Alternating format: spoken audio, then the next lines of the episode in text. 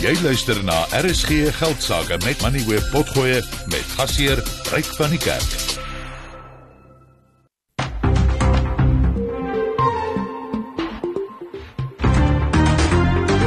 Jy luister na RSG Geldsaake met Ryk van die Kerk, jou betroubare bron vir sake en beleggingsinsigte. Goeienaand of uh, goeiemôre eerder. Ons is vandag 'n uh, bietjie vroeër weens die staatsrede en ook 'n baie spesiale welkom aan luisteraars wat nie gewoonlik tussen 6uur en 7uur by RC Geldsaake inskakel nie. Ons gaan vanaand kyk na die jongste winssyfers van ArcelorMittal. Nou, dis die grootste staalprodusent in Afrika en die groep is uh, ongelukkig bietjie onder finansiële druk. Uh, maar daar is daarom goeie nuus en dit is uh dat uh, ArcelorMittal aangekondig het dat dit nie nou sy aanlegte in Newcastle en vereniging gaan sluit nie. Hulle daardie sluiting met 6 maande uitgestel en hulle sê daar is net nie 'n vraag na van daardie staalprodukte wat hulle daar vervaardig nie. Die ekonomie is pap, hulle het probleme ook met uh, Transnet en uh, ek hooplik kan aktiwiteitsvlakke darm oor die volgende 6 maande sodanig verbeter dat hulle hierdie aanlegte oophou. Dis baie belangrik vir die gemeenskappe daar in en om Newcastle en vereniging en ek gaan met Kobus versterk gesels. Hy is die uitvoerende hoof.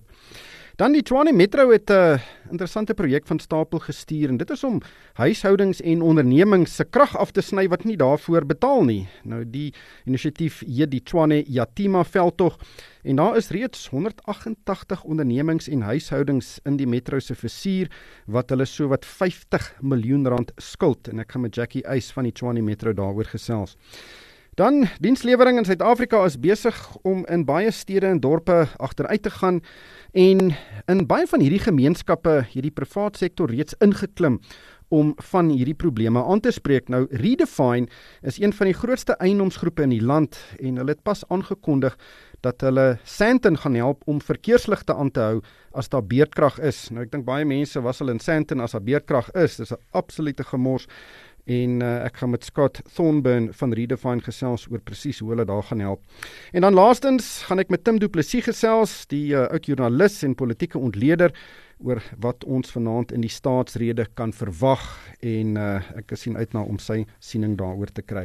Maar kom ons kyk eers wat het vandag op die markte gebeur en dit was nie 'n mooi dag nie. Die JSE se indeks van alle aandele 0,8% af en uh, staan op 73700 punte. Die Hulbron indeks het regtig pak slag gekry 2,2% af. Nywerheidsaandele verloor 0,3% en die finansiële indeks sak terug met 'n half persent. As ons kyk na aandele wat uh, vandag goed gevaar het, British American Tobacco of BAT 6,3% hoër. Ons gaan nou nou daaroor gesels, hulle het resultate bekend gemaak. Uh, Dischem 2,5% hoër, Richmond wen 2,1% en Advitech 1,7%. Aan die negatiewe kant is dit die mynbou aandele wat uh, regtig seer gekry het. Anglo American Platinum 7,1% af, Northam 5%, Goldfields 3,7% en so ook Sibanye Stillwater ook 3,7% laer. As ons kyk na die wisselkoerse, die rand staan op R18.93 teen die dollar, R23.88 teen die pond en R20.39 teen die euro. Bitcoin vandag 5% hoër op 863000 rand en Ethereum so 2% hoër op 46400 rand. Die goudprys is 2028 dollar, platinum 10% laer op 883 dollar en Brent olie 2% hoër op 80 dollar en 70 Amerikaanse sent. En dan op wêreldmarkte, die Amerikaanse mark het pas geopen, daar het nog nie veel gebeur nie. Al daai die belangrike indekse, die Dow Jones, die S&P 500 en die Nasdaq basies onveranderd. Uh die FTSE 100 het net net in die rooi gesluit terwyl die Duitse DAX met 0,5% en die CAC CAC 40 met 0,9% ge, ge, gestyg het. Uh Driekus Kombrink is van Capicraft. Hy is op die lyn. Driekus, baie welkom by die program. Kom ons begin sommer by die goeie nuus. British American Tobacco 6,3% hoër. Hulle het resultate aangekondig. Waaroor was die mark so opgewonde? Ja, uh, ryk nie noodwendig oor die omset nie, maar die omset is af. Uh nou hulle gebruik 'n aanpasbare syfer as jy al die wisselkoerskommelinge uitwerk en die verskeie ontlikeende markte waar hulle is, as jy met ander woorde dit konstant hou, dan sê hulle omset het gegroei. So dis 'n goeie ding vir 'n mark wat basies geprys word vir stagnasie. Nee, daai aandeel word geprys asof asof uh wins nooit gaan groei nie. So as hulle omset groei is dit definitief 'n positiewe, maar die mark het paar jaar want dit lyk vir die eerste keer asof die nuwe kategorieë die sogenaamde non-combustibles die uh die wat nie brand nie die stokkies wat nie brand nie regtig brand nie uh se se is nou winsgewend vir die eerste keer in 2023 hulle het 'n 400 miljoen dollar bydrae gemaak tot die wins tot tot winststygings in totaal in 2023 en dit beteken nou vir die eerste keer uh beteken die nuwe besighede die non-combustibles die groei vinniger as wat die tradisionele uh tabakbesighede daal. So 'n baie positiewe kom ons met my infleksiepunt daar in die besigheid en die mark wat baie daarvan hou. Dan het verskeie van die myngroepe uh handelsverklaringe uitgereik en hulle reik hierdie handelsverklaringe net uit voor net voordat hulle hulle resultate bekend maak so hulle waarsku die marke bietjie oor wat kan gebeur as die resultate nou gepubliseer word. Hulle probeer daardeur 'n verrassing vermy, hoewel hierdie handelsverklaring soms ook 'n groot verrassing is, soos vandag. Anglo American Platinum verwag dat sy voljaarwinste met soveel as 77% kan val en uh, Impala Platinum uh, verwag dat sy verdienste of sy winste met tot 80% kan val. En uh, dis seker een van die redes hoekom die hulpbron sektor vandag so seer gekry het. Ja, dit reik en dit kom op 'n dag wat die platinumprys besluit het om amper met dubbel syfers te val, nee, met amper 10% te val. So nie 'n goeie dag nie. Ehm um, en derde ding wat gebeur het, China het weer baie swak PPE en CPI syfers vandag gepubliseer. Dit sê net daar is nie genoeg vraag in daai ekonomie om die oortollige kapasiteit te absorbeer nie en uh daar is baie ehm um, baie ernstige rooi vlae of kommerpunte rondom China. Dit is natuurlik een van die wêreld se grootste ehm um, marginale ehm um, verbruikers van kommoditeite en 'n China slegte dag het ek sien die MSCI China indeks is 1% vanoggend amper afgewees. As hulle slegte dag het, dan kan ons ook nie verwag dat ons hulpbronne van opwees nie. So sommer drie goed gelyk wat vandag die hulpbronsektor op ons beurs tref. Ja, dit kan 'n groot impak hê want uh, natuurlik meeste van ons minerale word soontoe uitgevoer. Uh en uh ja, die die platinumprys, ek sien hier op my skerm 10,1% af. Uh 'n wesenlike daling. Ja daar. Dan MultiChoice, ons praat eintlik al die hele week oor MultiChoice. Ons gaan nie oor hulle moontlike transaksie praat nie, maar hulle het belastingprobleme in Nigerië gehad. Uh die uh so die verlede jaar het uh, die belastingowerhede daar gesê MultiChoice skuld hulle 4,4 miljard dollar se belasting. Hulle het nou om 'n tafel gaan sit en nou gaan MultiChoice net 37 miljoen dollar betaal wat dan baie baie minder is uh, en en weer eens dit wys net hoe wispelturig kan regulatoriese owerhede op die vasteland wees. Ja, en veral in Nigerië reik want die verskeie departemente daar is ook maar betrokke in 'n turfoorlog. So die een wil die ander ene ehm um, beter as die ander een doen of meer geld invul as die ander ene. So daar's 'n bietjie van 'n turfoorlog daarso en uh gelukkig is daar 'n bietjie rasionaliteit op die einde van die dag is ook deel van hulle taktiek, noem dit nou maar taktiek. Ehm um, voel baie keer asof hulle net probeer afpers, maar is om 'n baie groot bedrag te eis en dan die, uh, vinnig die buitelandse maatskappy om die tafel te kry en dan soos groot mense te gesels. So baie goed om te sien, natuurlik goed ook vir MTN aandeelhouers. Uh MTN se aandeleprys wat ek geweldig onder druk is vir verskeie ander redes, maar een van hulle is hulle belasting in Nigerië en moontlike daar's weer moontlik sprake van moontlike boetes wat ook oor daai besigheid hang. Ehm um, dit sal 'n dit sal 'n bietjie ligpunt wees vir aandeelhouers in NTN ook. Dan eintlik 'n baie interessante storie en dit is ons het lanklaas 'n vyandige oorname poging gesien in Suid-Afrika. Maar ehm um, die Libiese Soewereine Welvaartsfonds het 'n belegging in Legacy Hotels. Ehm um, nou dis die groep wat onder andere die Leonardo en die Michelangelo besit en uh, hulle wil nou hulle het nou 'n ekskuus tog 'n vyandige oorname um, proses van stapel gestuur. Uh, Legacy Hotels is nie gelukkig daarmee nie. Hulle wil nou weer vir die Libiese groep uitkoop. Uh, hoe sien jy dit want hierdie kan seker nogal bietjie lelik raak. Ja, bereik die die die probleem is daai hotelle is in die moeilikheid. Um baie kapasiteit uh in van ons hoofstede word nie gebruik sedert Covid nie baie hotelle uh, is ehm um, is tydelik toegemaak of baie kapasiteit afgeskaal en uh, hulle sukkel ehm um, uit die aard van die saak. So ek ek weet nie presies hoe hulle hierdie gaan ehm um, afreken nie. Ek nie ek nie die kontrakte gelees die aandeelhouers ooreenkomste gelees van Legacy Hotels en wat hulle het met die onderliggende hotelle nie. Dis baie moeilik om te sê. Ehm um, ek probeer myself die banke gaan op ietsie mee te doen hê.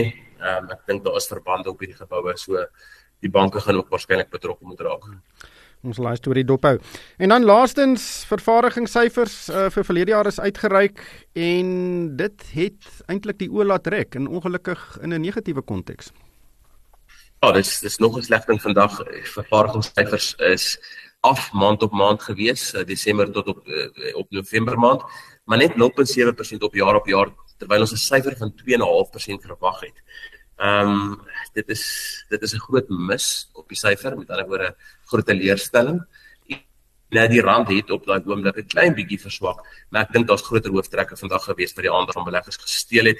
Ek dink meeste daarvan het op die hulpbronne gefokus in hierdie hierdie wanhoopige amper produksiesyfers wat ons gekry het uit die individuele miners uit. Terwyl ons nou gesels, kry ek hier 'n WhatsApp van 'n luisteraar wat sê julle praat nie meer oor goud nie. Ehm um, want uh, daar's op die oomblik baie dinge wat in die wêreld wat gebeur wat onsekerheid meebring, maar die goudprys bly net so effens hoër as 2000 dollar. Uh, ek weet jy's uh, jy's iemand wat goud dophou. Wat wat is jou verwagting van van die goudprys? Ja, ek is verbaas dat goud so goed gehou het te midde van 'n stygende rentekoers siklus reg oor die wêreld, veral in die FSA waar die reserve geldeenheid is, né? Dis die dis die plaasvervanger. Dis of goud of die dollar, né? Dis dis dit is uh, een van die twee gewoonlik. Hulle styg nie gewoonlik saam nie, dit het al gebeur mis min. Ehm um, so die feit dat rentekoerse styg, met ander woorde dit maak dit aantreklik om dollar dollar te hou of dollar staatseffekte of dollar geldmark te hou. Ehm um, en hoe gaan jy goud betaal as daar 'n uh, geleentheidskoste is? Jy kan amper 5% op 'n korttermyn geldmarkrekening in die FSA verdien. Tog het goud die goudprys vir elke dag hierdie jaar sover op ten minste al bo 2000 dollar gehou. So ek is verbaas hoe sterk goud is. Ander edelmetale soos silwer en platinum uit die aard van die saak sien naaste by so so sterk en teendeel die platinum en palladium prys stort in duie. En uh, ek dink baie van die van die marginale koop kopers van goud kom uit die ooste uit. Hulle probeer hulle hulle sentrale banke en hulle ekonomie wegdiversifiseer van die dollar af. Uh, is iets wat oornag gaan gebeur nie, maar ek ek dink nie net dit nie, ek dink ook Chinese beleggers probeer hulle geld uit die land uit kry. Daar's 'n bietjie van 'n vlug van kapitaal uit China uit en een van die min maniere wat dit kan doen is om fisiese goud te koop. En uh daar's handelaars wat dan daai fisiese goud weer gaan verkoop op internasionale markte. Vat dit tyd om te gebeur, maar daar is daar is heelwat um Chinese kapitaal wat uh wat vlug in goud in op hierdie stadium. Wat sê die teorie as rentekoerse nou begin daal uh in Amerika en ook in in ander lande? Wat die verwagting is behoort die goudprys te styg dan. As, ja, kyk as as die Amerikaners ewe skielik in die Amerikaanse ekonomie lyk nog baie sterk, moenie 'n fout maak nie, maar as die Amerikaanse ekonomie enigsins 'n verswakking wys, verlangsaming wys, uh, of daar is 'n bankkrisis, ons hierdie week weer gelees van van 'n uh, bank in uh, New York wat wat in die moeilikheid is wat ehm um, die die regulatoriese vereistes versterk op hom en die bank is ewe skielik in 'n likwiditeitskrisis. So hoe langer rentekoers op hierdie vlakke gehou word, hoe groter is die kans vir 'n ongeluk. En as dit gebeur uh teoreties dan gaan die uh die federale reserve die handdoek moet ingooi op hierdie hoë rentekoerse, rentekoerse laat sny en as hulle dit doen teen midde van inflasie wat nog effens hardnekkig uh jy weet hardnekkig bo kan 2% is, die bo kan die teiken is van die van die Fed, dan gaan dit dan gaan die mark dit sien as 'n uh, as 'n nederlaag vir die dollar en vir die federale reserve en dan behoort goud nie behoogtepunte aan te teken. Driekus, dit was uh Driekus Kombrink van Capicraft. Vir die belangrikste sake nuus skakel in op RSG geldsaake. Asrol Metal is die grootste staalprodusent in Afrika. Die maatskappy se wortels strek terug tot 1928 toe Dr Hendrik van der Byl die Suid-Afrikaanse Yster en Staal Nywerheidskorporasie of Iskor begin het. Die eerste aanleg was in Pretoria, maar die groep het vinnig uitgebrei en aanlegte opgerig in Van der Byl Park, Newcastle en Malasheni en Saldanha Bay. Iskor is in 1989 geprivatiseer en op die JSE genoteer. In 2001 het die maatskappy sy staal en mynboubedrywighede van mekaar geskei. Die mynboubedrywighede is in Kumba gekonsolideer en die staalbesigheid het in Iskor agtergebly. In 2003 het die internasionale staalgroep L&M 'n groot belang in Iskor gekoop, maar is kort daarna deur die Indiese staalreus Mittal oorgeneem. In 2006 het Mittal ArcelorMittal met nog 'n internasionale staalreus, Arcelor, saamgesmelt en dit is waar die naam ArcelorMittal Suid-Afrika vandaan kom. Die groep het pas resultate vir sy vorige boekjaar bekend gemaak. Die omset was 2% hoër op 41,6 miljard rand. Die groep het 'n wesensverlies van 1,9 miljard rand gelei nadat dit in die vorige boekjaar 'n wins van 2,6 miljard rand verdien het. Geen dividend is verklaar nie. Kobus Verster is op die lyn. Hy is die uitvoerende hoof. Kobus, baie welkom by die program. Dit was 'n moeilike jaar vir die maatskappy. Hoe dink jy met aandeelhouers na hierdie resultate kyk? Moet sê ek ken jou geskiedenis baie goed. Ek dink die jaar internasionaal was moeilik om mee te begin. Ek bedoel die staalsektor vraag was konstant, pryse het afgekom reg oor die wêreld en in China was die vraag redelik af. Ons het dieselfde trend gevolg in Suid-Afrika met vraag wat baie laag is en dan pryse wat ook afgekom het met om by 9 tot 10%. Jy 9 tot 10% op die omset van so 40 miljoen, dan is dit omtrent die omswaai in die winssyfers wat ons gesien het. Julle het verlede jaar aangekondig dat julle die bedrywighede by julle aanlegte in Newcastle en Vereniging wil sluit of ten minste net die bedrywighede tydelik staak, maar julle het dit nou met 6 maande uitgestel hierdie beplande sluiting. Wat behels dit? Ons het in November gesê ons van ons langprodukte besigheid basies toemaak en die redes daarvoor was natuurlik die vraag dit was die verbanding op die uitvoer van skrot en Transnet se dienste en 'n klompie ander faktore. Natuurlik sien dit het ons baie hard gewerk met verskeie belangegroepe en daar's moontlikhede op die tafel om daai mededingende nadeel wat ons het uit te wis en ons het gedink is 'n verantwoordelike ding om te doen om bietjie tyd te koop vir die mense en vir die besigheid en te sien hoe ons hierdie inisiatiewe basies kan realiseer.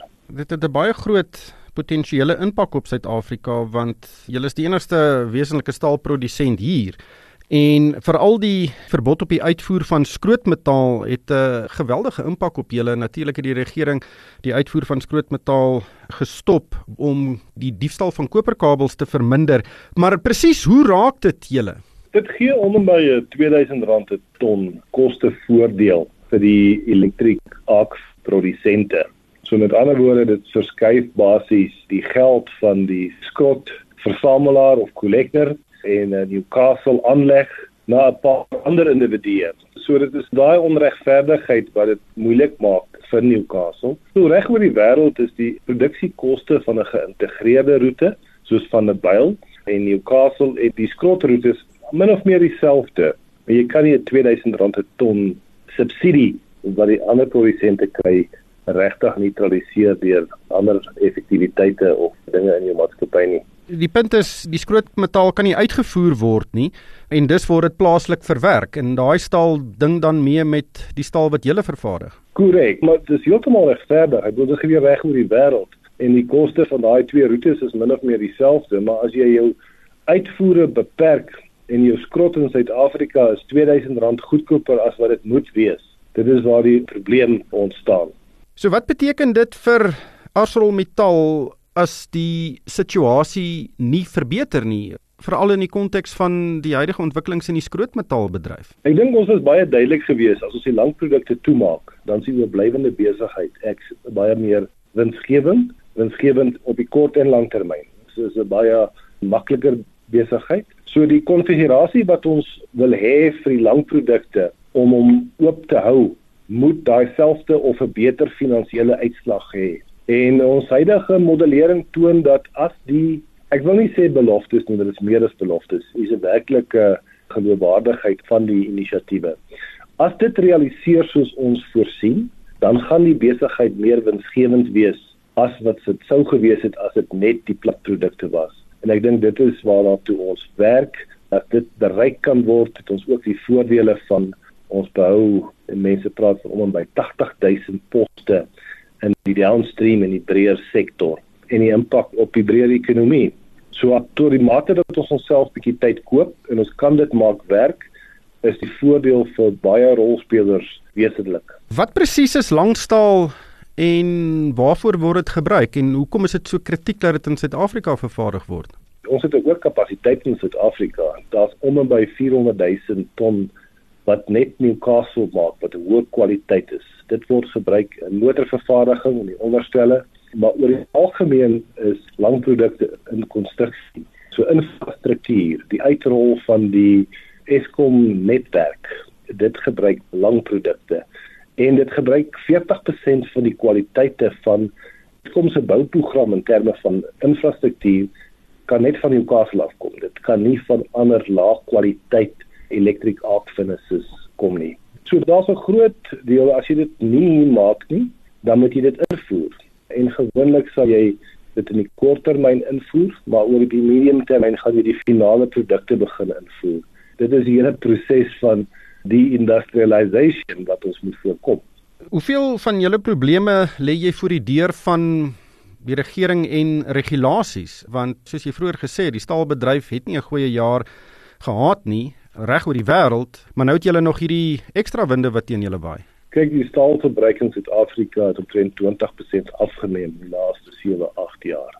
En dit is 'n direkte gevolg van geen ekonomiese groei of lae ekonomiese groei in die land. Die twee is 'n direkte korrelasie.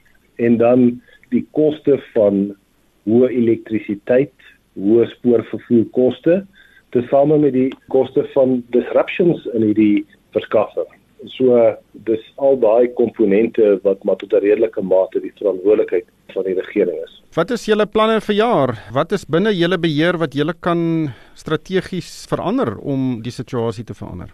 Ons platprodukte het ons 'n uh, redelike investeringsprogram in terme van kwaliteit, nuwe produkte. So daai deel van die besigheid is baie sterk. Ons gaan 'n uh, oplossing vind vir die langprodukte in die volgende paar maande.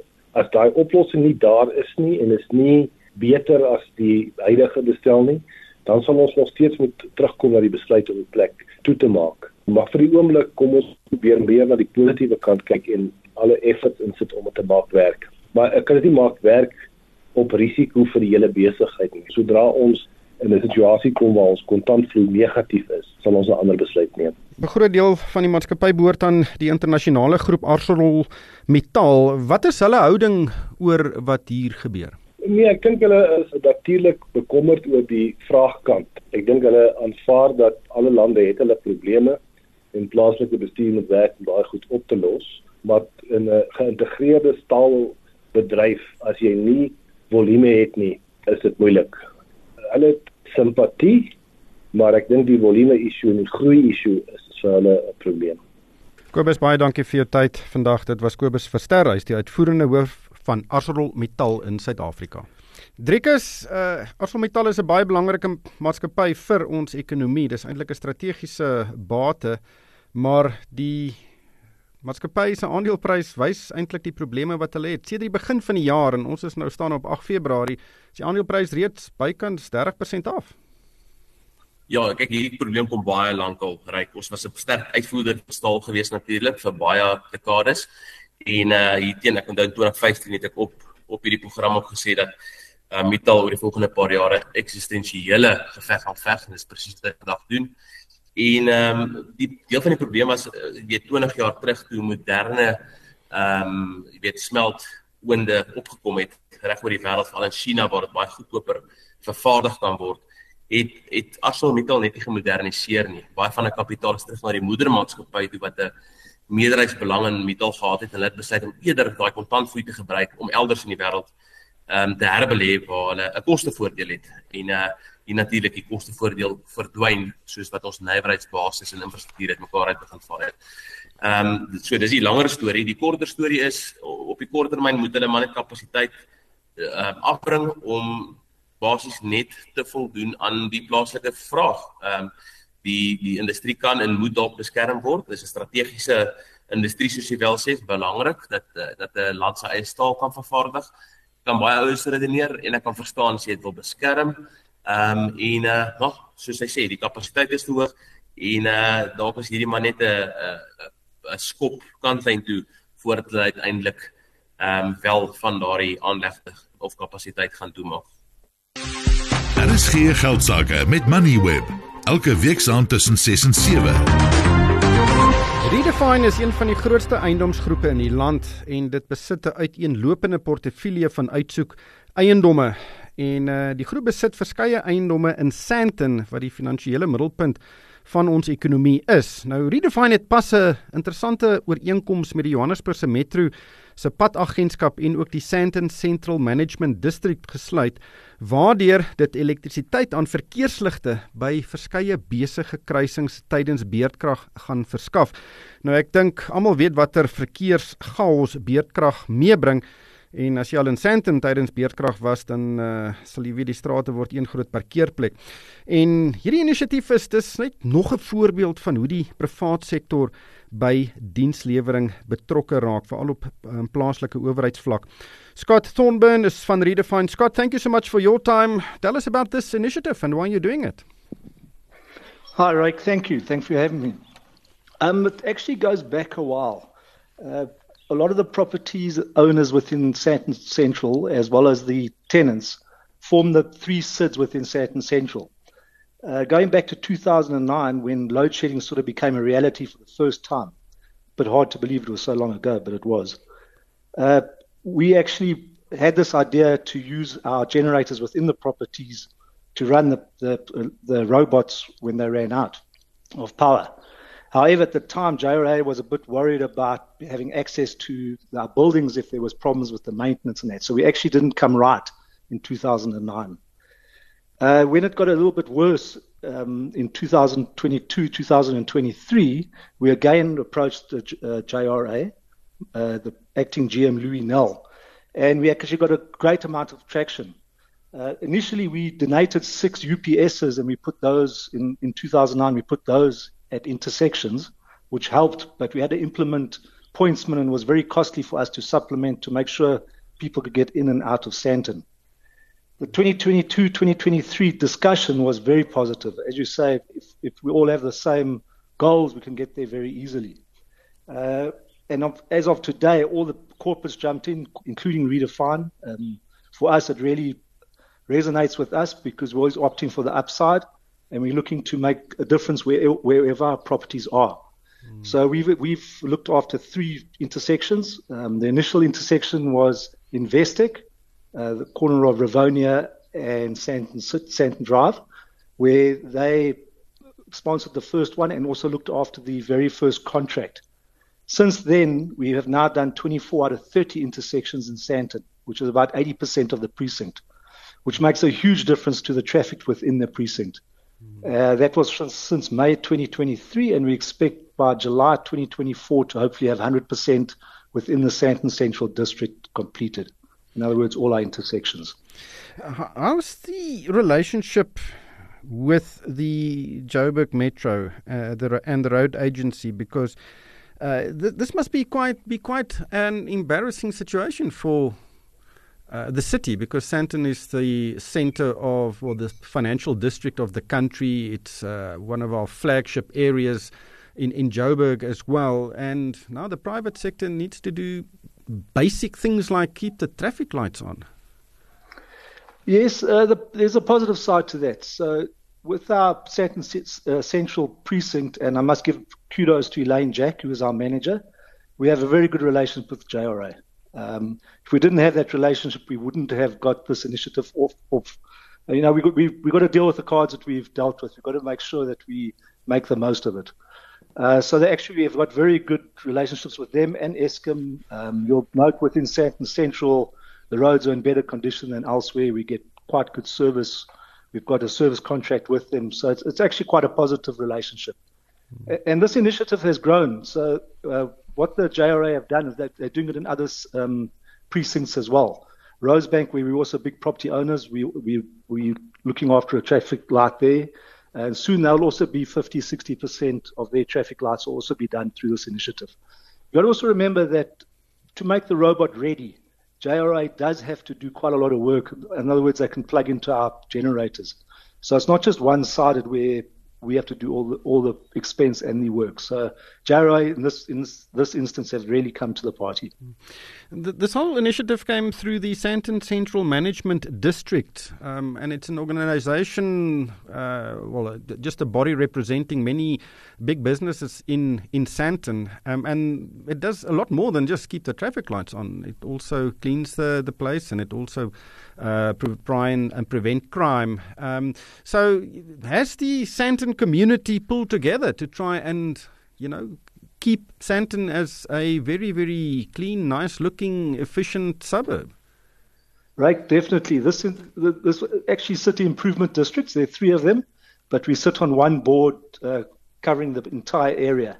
It's been in existence since about 2001. So it's not a new organization which has just started. Um, it's, very, it's probably the one of the strongest cities in the country. And if you come to Sandton, you'll see that there's there is a lot of um, it's it's not like elsewhere. So we have to compete with other places where they can look after their own own roads because it is still the, the center of our economy. I agree with you there. Scott, so, yes, we do all those other other items and and at our expense, but it's worth it for our investments and our tenants within the district. Scott, dankie vir jou tyd. Dit was Scott Thornburn, hy is van Redefine. Maak Edgewos jou eerste keuse topgehalte privaat hoër onderwys met 12 kampusse landwyd. Meer as 20 geakkrediteerde kwalifikasies wat internasionaal erken word in die fakulteite toegepaste wetenskap, handel en regte, geesteswetenskappe en inligtingstegnologie. Studeer voltyds, deeltyds op kampus en aanlyn begelei deur ervare dosente. Konnekteer ook met finansieringsvennote en eksterne beursgeleenthede. Vind jou kampus en skryf vandag nog in op www.eduvos.com. Eduvos, jou opvoeding, jou toekoms. Daar is geen geldsaake met Moneyweb, jou betroubare bron vir sakke en beleggingsinsigte. Van die Johannesburg Metro na die Tshwane Metro en uh, hier is ook 'n interessante ontwikkeling van die Tshwane Metro het 'n projek van stapel gestuur om huishoudings en ondernemings se krag af te sny wat nie daarvoor betaal nie en dit hier die Tshwane Yatima veldtog en daar is reeds 188 ondernemings en huishoudings in die metro se versuur wat sowat 50 miljoen rand aan die metro skuld. En die metro het in 'n verklaring gesê daar is reeds 70 van hulle afgesny. Jackie Eis is die burgemeesterskomitee lid vir finansies uh, in die Tshwane Metro. Jackie, baie welkom by die program. Vertel ons van hierdie veldtog. Uh, wat uh, wat is presies die doel? Goeiemôre. Die doel van Tshwane Yatima is om te fokus op die inwoners en besighede in die stad wat water en elektrisiteit verbruik, maar dit nie betaal nie. So ons fokus spesifiek op die top 1500 ehm um, debitere wat die meeste geld aan die stad skuld. Dit beloop so 6.2 miljard rand. En ons gaan fokus deur die Tshwane Yatima kampanje op hulle oor die volgende paar maande. Hierdie kampanje is natuurlik net 'n klein gedeelte van wat die res van ons kredietbeheer is waar ons op gewone ander rekeninge fokus, maar hierdie rekeninge kry baie spesiale aandag van van die stad af. Hoekom het julle nie al voorheen teen hierdie uh, ondernemings en huishoudings opgetree nie? Hoe hoekom nou? Ons vind dat in van die gevalle het ons in hierdie mense opgetree voorheen en hulle was afgesny en hulle het onwettiglik weer tot die ehm um, tot die elektrisiteitstelsel aangesluit. En in hierdie gevalle ehm um, ruk ons op die stadium die hele kabel uit sodat hulle nie weer onwettig kan aansluit nie. In ander gevalle was dit mense wat dispute gehad het met die stad wat in die tussentyd reggestel is en in ander gevalle was daar dalk ehm um, bietjie nefarious aktiwiteite gewees wat gemaak het dat ons nie teenoor hulle optree nie. Maar ons het hulle nou geïdentifiseer, hulle is in ons bestuur en ehm um, ons tree nou teen hulle op.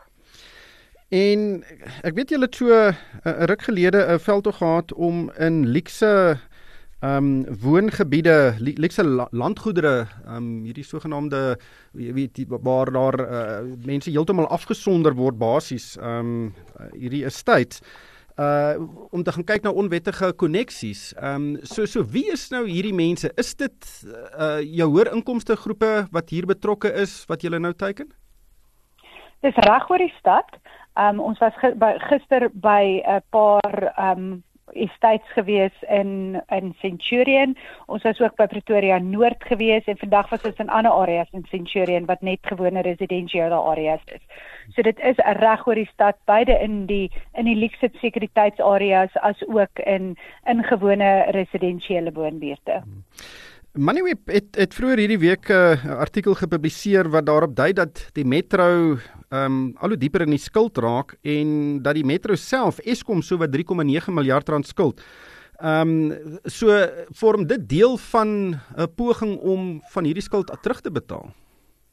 Kyk, dit is waar dat die stad 'n skuld Eskom en dit is waar dat die stad in 'n finansiële ver, uh, verknyping is. Ons het nog um nog nooit daarvan van weggeskaar om dit te erken nie. En hierdie is een van die maatreëls wat ons bybring om seker te maak dat die stad by sy finansiële verpligtinge kan hou en dat ons die stad finansiëel kan red vir Eskom spesifiek is daar 'n uh, betalingsooreenkoms met Eskom in plek. Ons het hulle van Desember af tot in Januarie so 1.8 miljard rand dalk net 'n klein bietjie meer as as dit betaal. Um, ons het onderneem met hulle dat ons vir hulle gesê het ons is bewus dat ons in um, die wintermaande dalk weer agterstallig sal raak met die rekening, maar ons kommitment aan hulle is om einde van hierdie jaar in 'n um minder slegte posisie by hulle te wees as wat ons einde verlede jaar was. So ons werk baie nou saam met Eskom en natuurlik is die 20 Yatima kampanje waaraan ons nou werk nie een van die maatreëls wat ons wel doen. Die stad kyk ook na um na ander dinge soos onwettige koneksies soos gewone skuld in invordering. Ons kyk om ons eiendom optimaal te gebruik met um met die uitverhuuring daarvan. Ons kyk om self van die Eskom se grid af te te kom wat ons onlangs na die mark toe gegaan het om te te vra vir um vir voorstelle vir mense hoe om hmm. ons rooibal en ons pyramid substations te gebruik. So 20 Tima is maar 'n klein deel van wat hmm. ons ons um, finansiële reddingstog vir die stad is. Wat is Twane se invorderingskoers? Op hierdie stadium is ons invorderingskoers 84% van skuld wat onder die die nasionale tesourier se vereiste is en daarom dat ons uitgaan om hierdie um, om die ernstige kredietbeheer te soos wat ons nou doen. Jackie, dankie vir jou tyd. Dit was Jackie Eis. Sy is uh, die burgemeesterskomitee lid vir finansies by die Tshwane Metro. Besoek RSG Geldsaake se Facebookblad en kom ons gesels. President Cyril Ramaphosa lewer vanaand sy staatsrede en RSG gaan dit regstreeks uitsaai. Nou die doel van die staatsrede is om Suid-Afrikaners in te lig van wat in Suid-Afrika aangaan, wat die uitdagings is en ook wat die planne is om hierdie uitdagings op te los. Nou daar is hierdie week al baie gepraat en geskryf oor wat die president gaan sê want bitter min van die beloftes wat hy sedert 2018 tydens sy verskeie staatsredes gemaak het, is nagekom.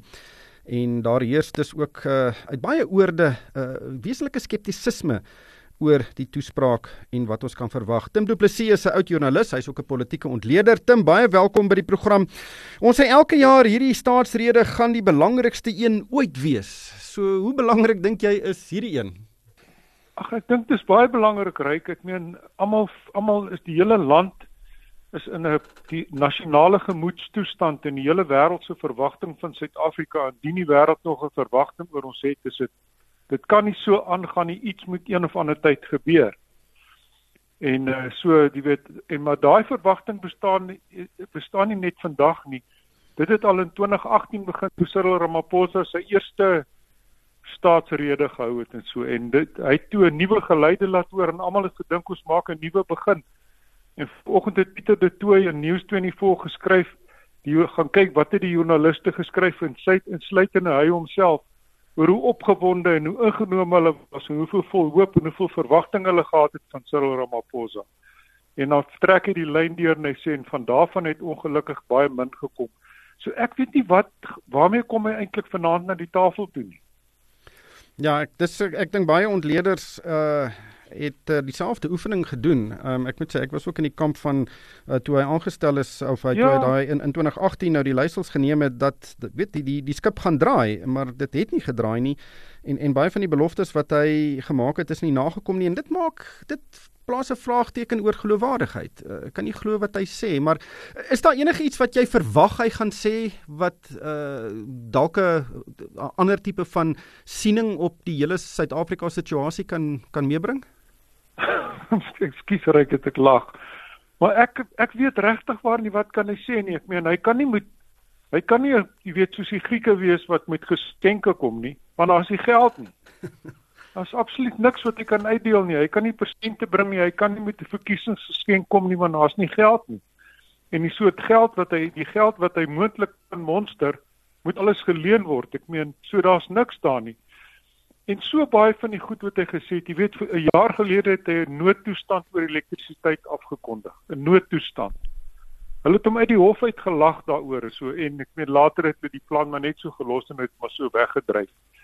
Hy het die minister van elektrisiteit aangestel. Ons het verlede jaar die grootste hoeveelheid weerkrag in die land gehad ooit met ons minister van die van elektrisiteit wat tussen die openbare ondernemingsminister Pravin Gordhan en Gwedi Mantashe die mynbouminister en energieminister het hy soos in die middel van 'n toebroodjie meer groot egos het hy vasgesit en nie veel het daar gebeur nie. So ek weet nie bereik ek kan nie sien waarmee hy voor 'n dag kan kom nie. Wat se haas kan hy uit die hoed uit trek nie. Hy het nie geld nie. Wat hy kan doen is hy kan die atmosfeer in die land verander deur te sê F.W. de Klerk 2 Februarie 90 oomblikke sê ons gaan drastiese stappe doen om die hele klimaat in hierdie land om die dooie punte wat daar is om die verstoppings in die ekonomie om al die blokkades in ekonomiese groei op te los.